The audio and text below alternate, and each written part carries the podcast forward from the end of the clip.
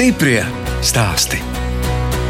Man jau kaut kā no bērna kājas radīja to patiku tajā darbā, redzēt to procesu, redzēt gala rezultātu. Un, eh, protams, pateicoties vecākiem un omei un eh, visiem pārējiem, kas ir diezgan daudz palīdzējuši. Dobelnieki ir dibināti kā zemnieku saimniecība 92. gadā. Es arī pats 92. gadā dzimstu.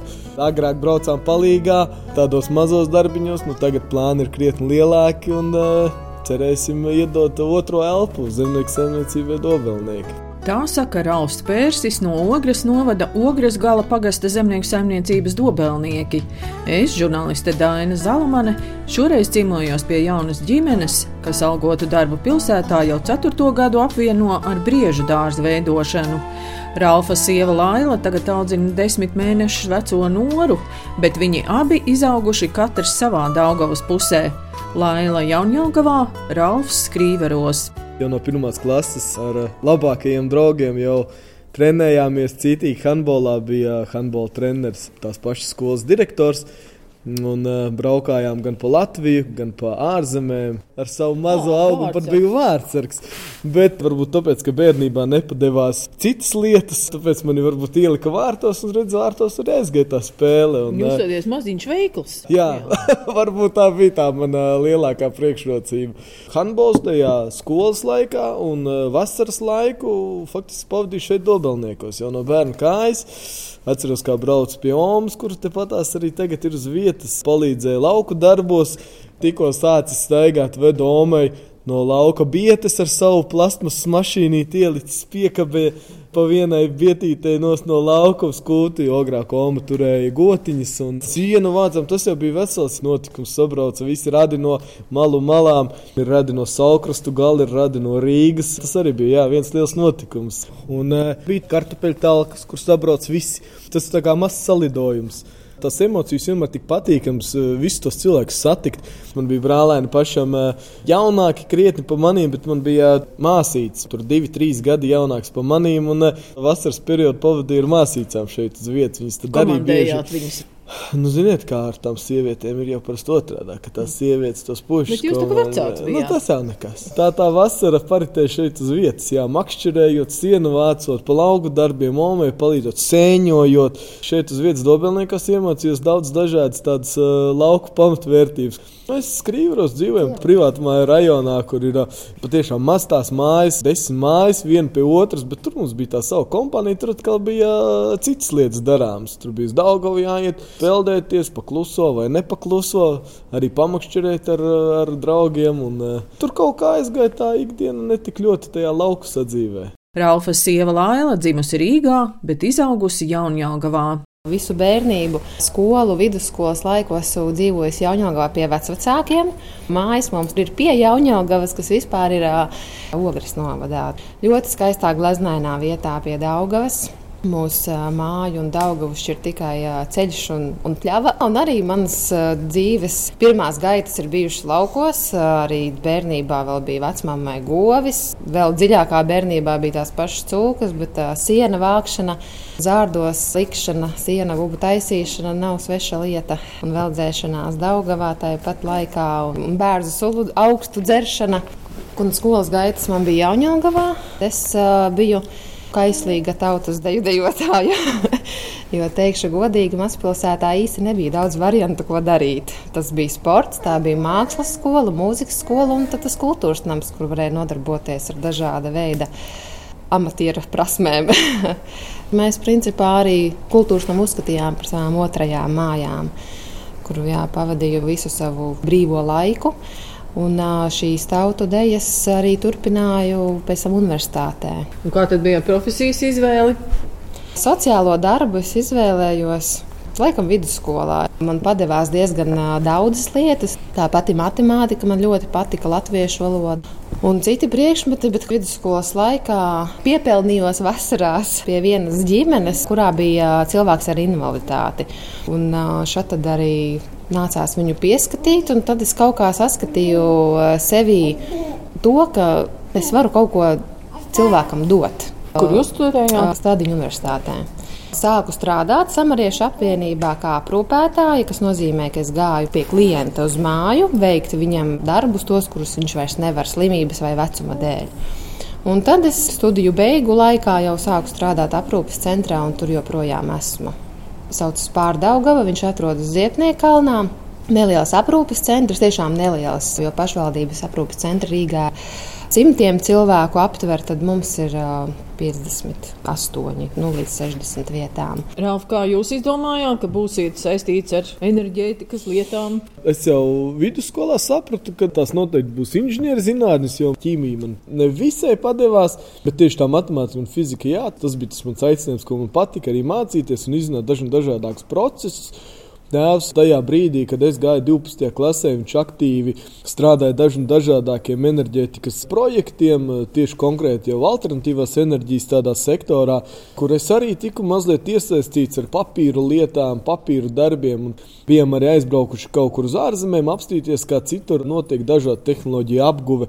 Tas manī ieinteresēja, un es sapratu, jā, ka agrāk vai vēlāk tā enerģētika un tieši tā alternatīva enerģija, zaļā enerģija, kas ir ļoti, ļoti aktuāla, man radās pārliecība, ka tā ir tā mūsu nākotne.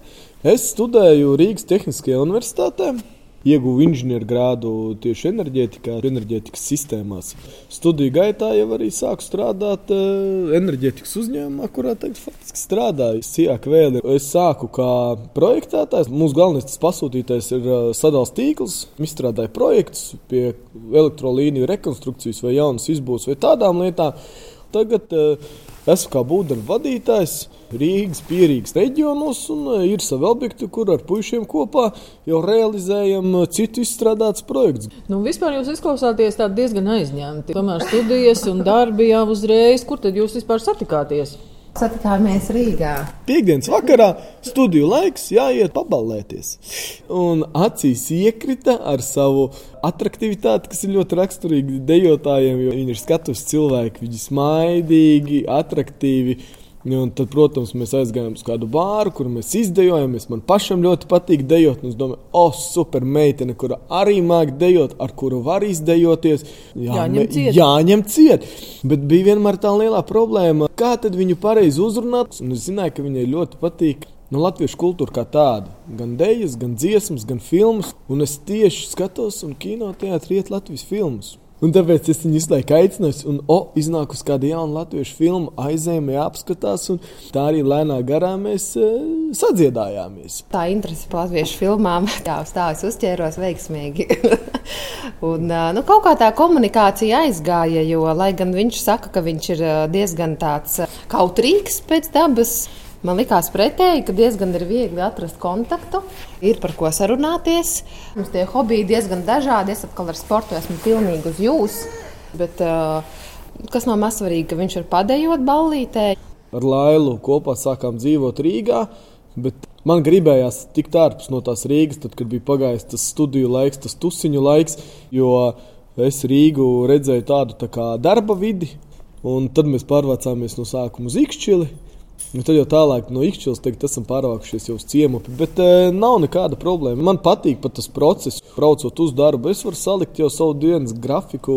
Un braucot atpakaļ, es atkal varu salikt visu pa plauktiņiem un atslēgties, jau ierasties mājās pie ģimenes un e, veltīt laiku. Gan sieviņai, kurai gribās arī, ka viņa dažreiz apčubina. Un uh, meitiņai arī, kur noteikti aizrāda arī savu uzmanību, lai mamma arī var padarīt savas lietas. Stiprie stāsti.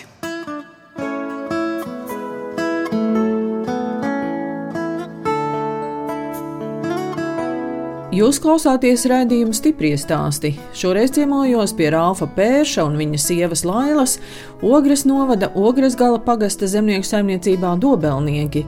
Lai gan ikdienā abi strādā algotu darbu pilsētā, tagad gan Laila auklē mazo meitiņu, Abi nolēmuši, ka grib veidot arī biznesu laukos, lai vieta, kur saimniekojas Ralfa vecvectēvs, arī turpmāk būtu vieta, kur pulcēties plašajai dzimtai. Kad mēs sākām par tiem laukiem domāt kaut kādi 5, 6 gadi atpakaļ, sapratām, nekāda lielsaimnieka mēs nevaram būt.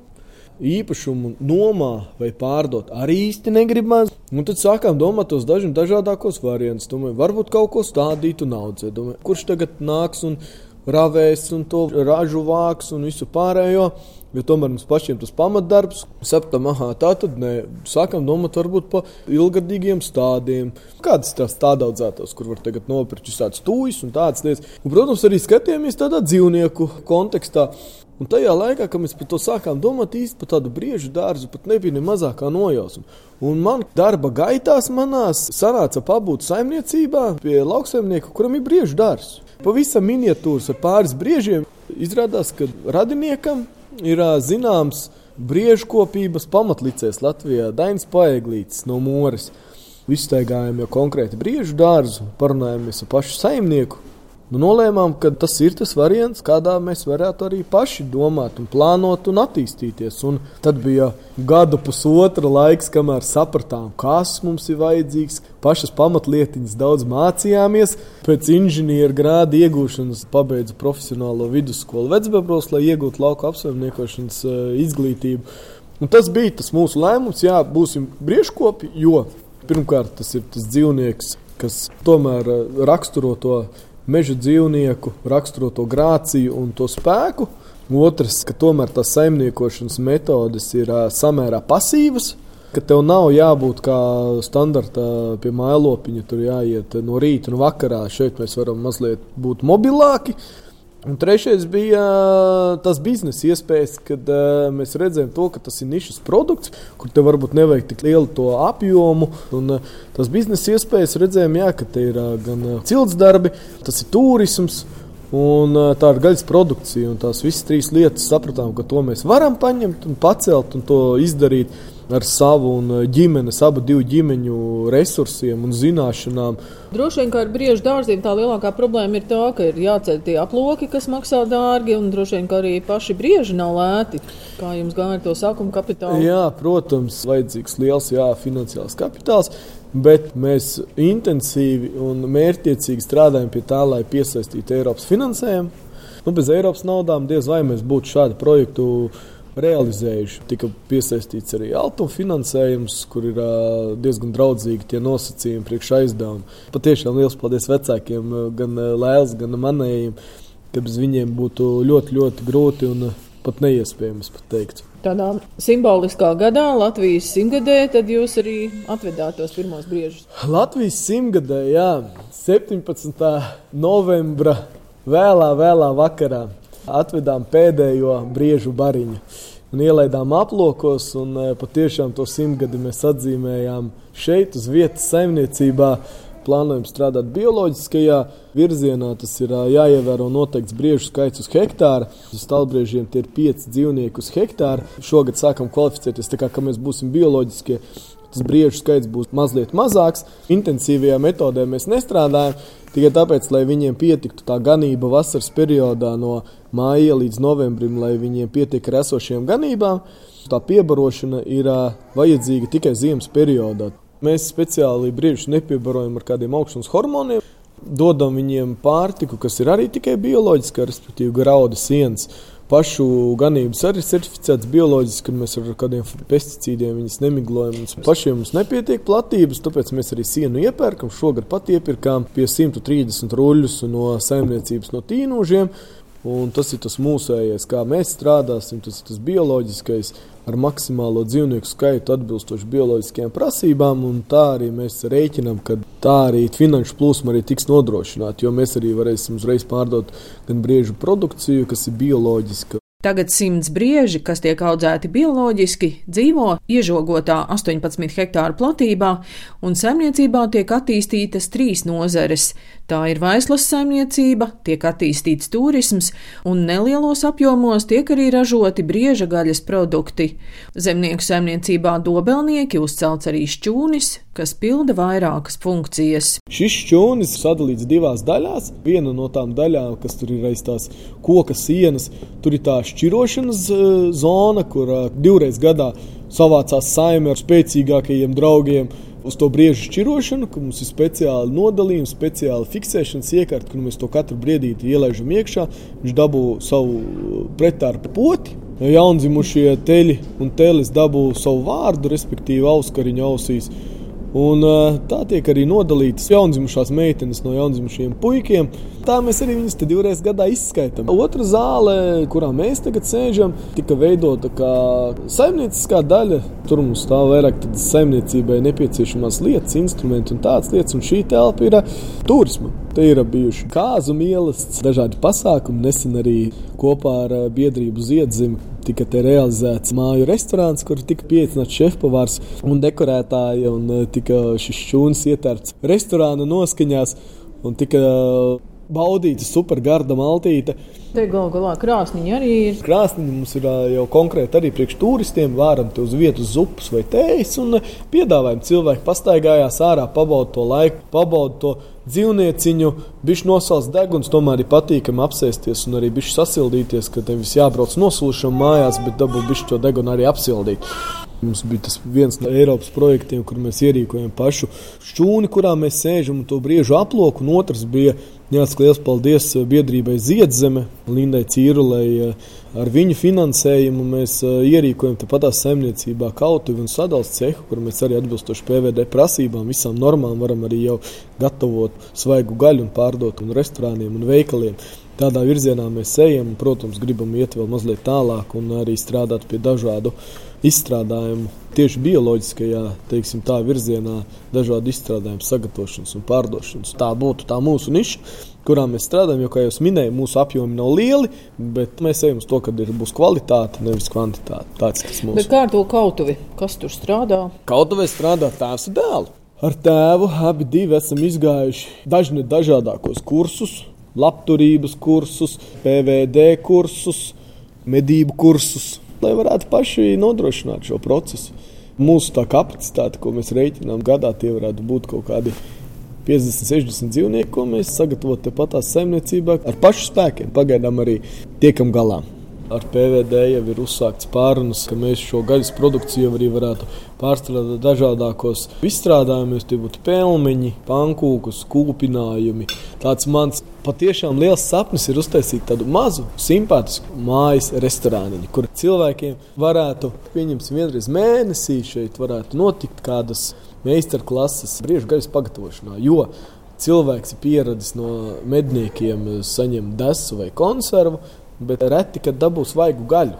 Te pagatavošana ir ļoti vienkārša. Steikam tas ir sāls, pipari, kāds rozmarīns, ķiplociņš un uh, neko vairāk nevajag. Un var arī ļoti vienkārši, garšīgi, veselīgi pāriest. Un tas ir tas mūsu tālākais mērķis. Gribam uh, popularizēt to zaļo domāšanu, to aktīvo atpūtu, to tīro, augstvērtīgo produktu lietošanu uzturā un parādīt to, ka uh, laukos ir būt forši. Rāfs jau nu, stāstīja, ka kautuvē darbojas un ko viņš visur nedara. Kādi ir tie jūsu pienākumi tad vairāk ar tiem turistiem? Tā arī tas viss aizgāja, ka Rāfs vairāk teiksim, ar tiem nu, ar dzīvniekiem nodarbojas, es ar cilvēkiem. Gan ekskursiju novadu, tagad tas ir vairāk nodots vīra mātes rokās. Un, nu, es pieslēdzos, ka tur viens nevar tikt galā, kad ir paralēli apmeklētāji un ekskursanti, kuriem vajag arī kaut ko stāstīt. Vasarā tās pašas kāzu pieturiņu dekorēšanas un, un tādas lietas.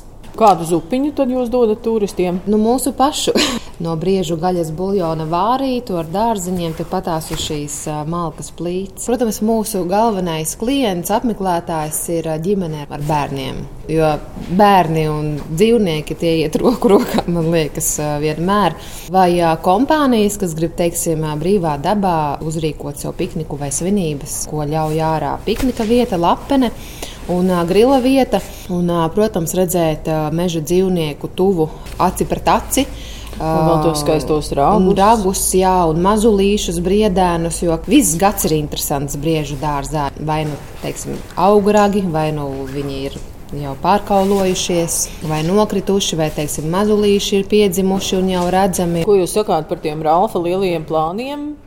Nu, lai restorāns lai tik iet. varētu būt kaut reizi mēnesī. Mēs pa bišķiņam liekam klāt, jo ilgi jau nenoturēsi cilvēku uzmanību uz vienu lietu. Cik ilgi vienai ģimenei būs interesanti braukt, barot tikai briežus. Un arī mēs tāpēc ejam līdzi un liekam tam pakalpojumam, tā izklaidai klāt, nu, lai tā viena ģimenīte atgrieztos vairāk kārt. Un Ralfa pieminētais minigolfs mēs pagājušā vasarā cītīgi viņu taisījām. Tāpat tās arī dzimtas ozols. Esam viņu iekopuši, viņš bija nedaudz ieaudzis. Esam izkopuši un tur savukārt var kāzinieki vai no kādu pieturu rīkot, vai arī vienkārši fotosesija. Un kļūst jau, man liekas, atkal aktuāli tās pašas krustabas rīkot, tāpat tās arī kāzas latviskās. Tā kā nu, šādas vietas ir vērtīgas. Stāv uz galda medus burka. Tas ir pateicoties Ralfa mammai. Ja? Jā. Izsmeļs tas ir darīts. Viņa arī izgāja kursus un ir tagad jau certificēta biškope. Tad jūs visi mācāties, nepārtraukti mācāties ja? visādos kursos. Jūs tieši tās turisma lietas. Tas kursu klāsts bija tāds, kāds bija pieejams, un rezultātā sanāca vairāk tādas arhitektūriskas, par lauku ainavu. Tās studijas rezultātā izvērtās. Līdz ar to mēs diezgan improvizējam un mācāmies no kaimiņiem, no turisma informācijas centriem. Un savukārt vēl viena vīra radiniece, kas ir mammas māsīca, katru vasaru, protams, pareizos laikos, nekā es teiksim, to daru, ieeju pļavā un savācu, ja tur zied kaut kas. Vāc eh, šīs tējas un eh, žāvē viņas pareizā vietā, caurvējā, pareizā ilgumā esam pilnībā pārgājuši jau īstenībā daudzus gadus uz lauku tēju. Un tagad arī var medu likt uh, savu tējā. Garšo uzreiz savādāk, vai ne? Nu, jā, protams. Stiprie stāstī.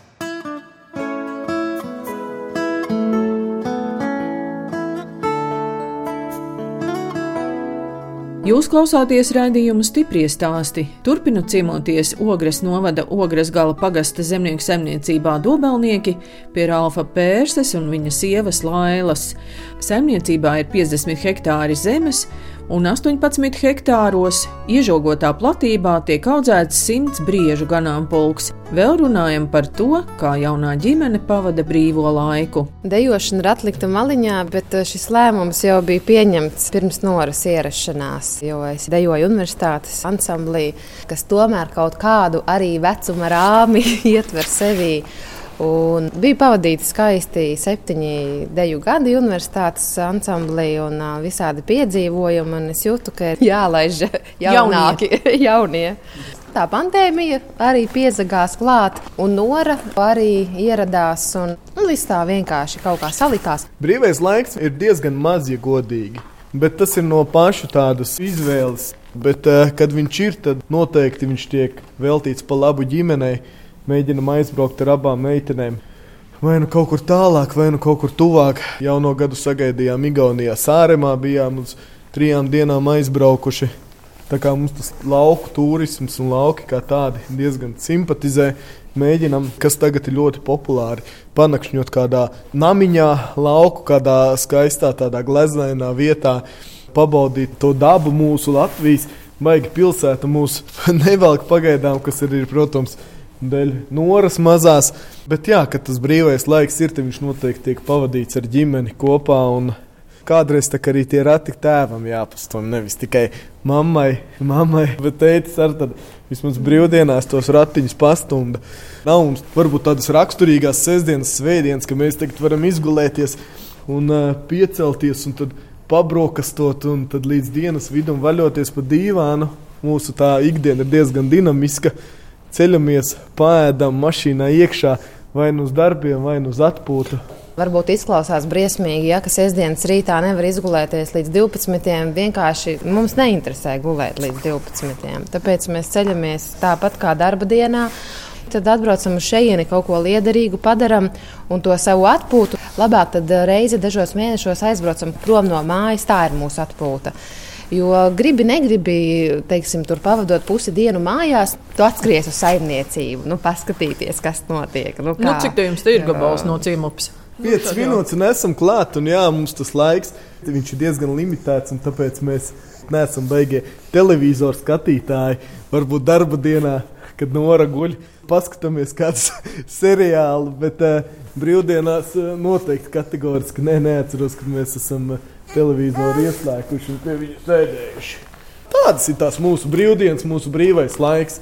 Paši viņu plānojam. Bet, protams, saimniecība ievieš diezgan lielas korekcijas. Bet, nu, ar to mēs esam rēķinājušies un uz to mēs arī ejam. Bet atkal no otras puses, nu, kad šāda saimniecība veidot, ja ne jaunībā, kad vēl ir daudz Jā. spēka un un enerģijas. Protams, gribētos ar tādu pozitīvu domu domāt, ka mēs arī paspēsim tos laurus pabaudīt. Cerams, vecumdienās ne tikai bērni, jo tā saimniecība no nulles veidot, teiksim, briežu dārzu.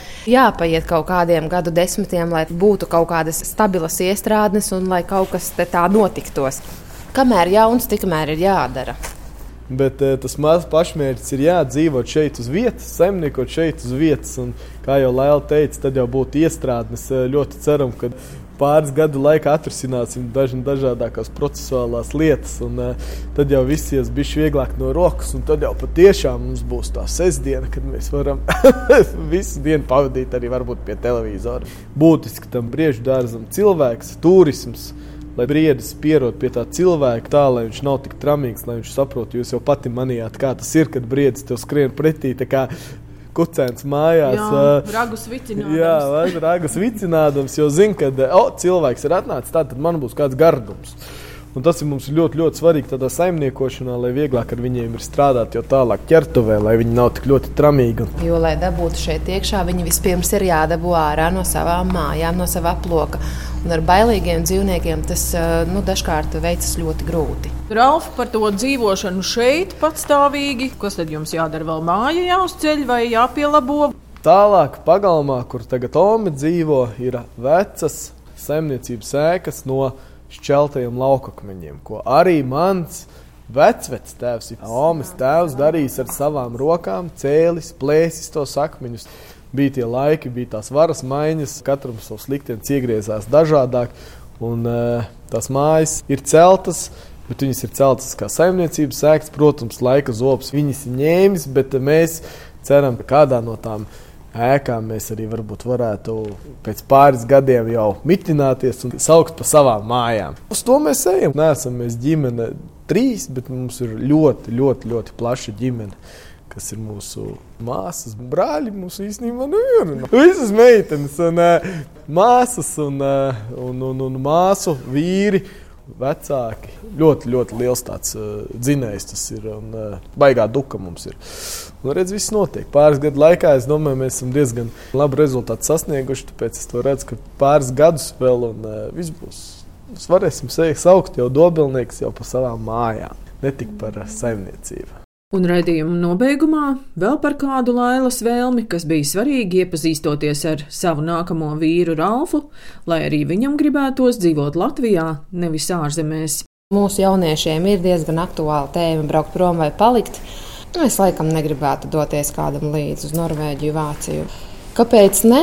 Es diezgan esmu tāda, laikam, konservatīva. Tomēr nekur nav tik labi kā mājās. Mani šeit var saprast labāk, nu, kā, kā svešā zemē. Es esmu bijis ārzemēs trīs nedēļas strādāt. Es biju Vācijā tieši pie enerģētikas jomu, tieši par saules paneļiem. Un uh, pastrādāju trīs nedēļas.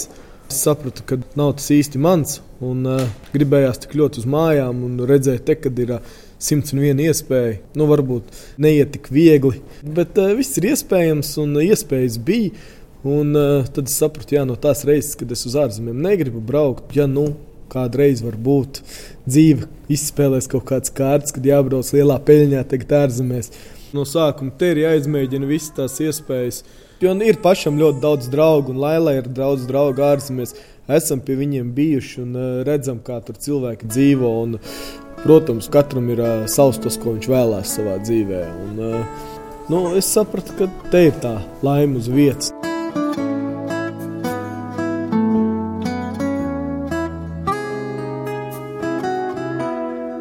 Radījums stipri stāst izskan, un mēs atvadāmies no Ralfa un Lailas pēršiem, kas algotu darbu pilsētā apvieno ar darbu savā saimniecībā, un pirms četriem gadiem Ogres novada Ogres gala pagastā sāka veidot briežu dārzu, lai bioloģiski audzētos dzīvniekus izmantotu vaislai, nodarbotos ar turismu un nelielos apjomos gatavotu briežu gaļas produktus. No jums atvadās žurnāliste Dāna Zalamane un operātore Inga Bēdelē, lai tiktos atkal tieši pēc nedēļas.